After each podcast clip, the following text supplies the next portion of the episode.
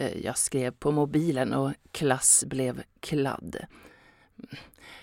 Jag är oerhört klassmedveten, för att inte säga klass-självmedveten.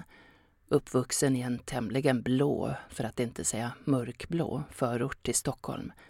Men vi hade oklippt gräs på framsidan.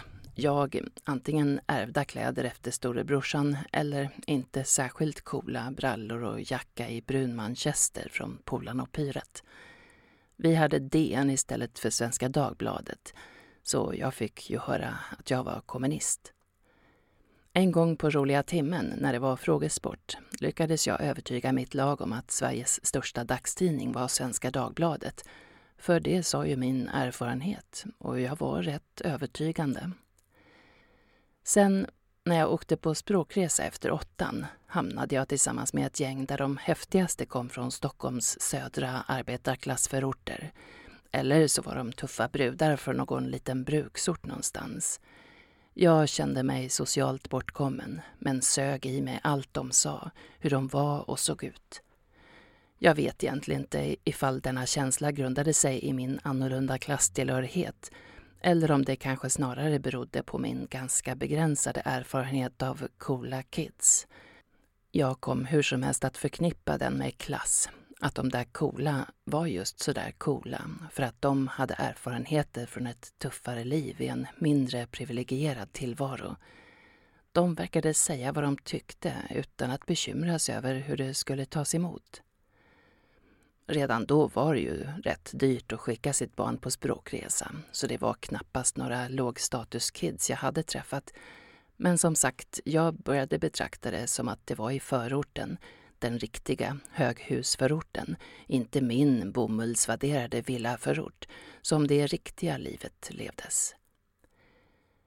Innan jag tog studenten köpte jag en andelslägenhet av lånade pengar från pappa på Stockholms söder Sov där redan första natten fast jag bara hade en madrass och jag var lycklig. Den första tiden gjorde jag allt för att bli söderböna. Slog mig i slang med tvivelaktigt folk på kvarterskrogarna, övade på gammalt söderslang, gick omkring och kände mig uppfylld av att bo på Söder. Jag minns ju att jag reagerade på hur det kunde stå tre Porschar i rad parkerade på Verkstadsgatan vilket jag rynkade på näsan inför, såsom genuin söderböna. Efter en tid lyckades jag bli bekant med den söte snubben på tre trappor och började hänga med hans gäng.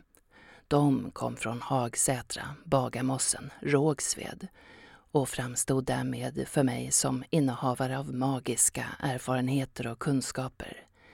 Marre fnös ibland åt mig och min hemort Näsby Park för ett tag sedan så kom Stefan och jag att tala om klass. Jag hade uttryckt äckel inför reklambladen från Lidl. Tyckte att eh, de lurade folk att köpa massa skit. Medan han ser det som ett tillfälle för den obemedlade att kunna köpa något hen annars aldrig hade kunnat drömma om att köpa. Han blev förbannad på mig och min blindhet inför hur det är att aldrig ha råd. Jag skämdes över min omedvetenhet, men insåg att det hade med min bekymmersfria bakgrund att göra. Det var en klassfråga. Då sa han att det bara är medelklassen som bekymrar sig om klass och jag fick ännu en börda till min skam. Men jag tror han har rätt. Är man tillräckligt privilegierad bekymrar man sig inte över det, kanske.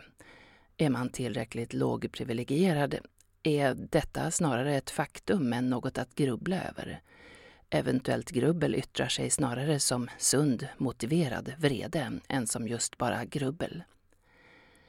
Kanske är det så enkelt att det är svårare att befinna sig i mitten med jämförelseobjekt på bägge håll än att befinna sig i en av de yttre delarna som bara har en riktning att spjärna emot.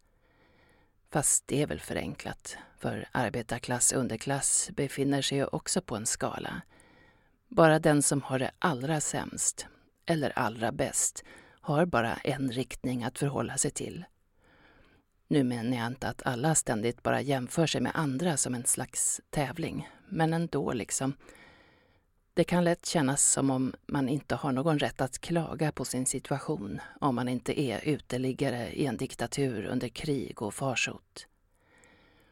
Jag minns med värme en läkare på vårdcentralen som sa till mig när jag var deprimerad men skämdes över detta eftersom mina problem rimligen borde betraktas som lyxproblem. Hon sa att alla mår dåligt på sin egen skala. Det går inte att jämföra sig med någon annan. Jag är väl någon slags medelklass.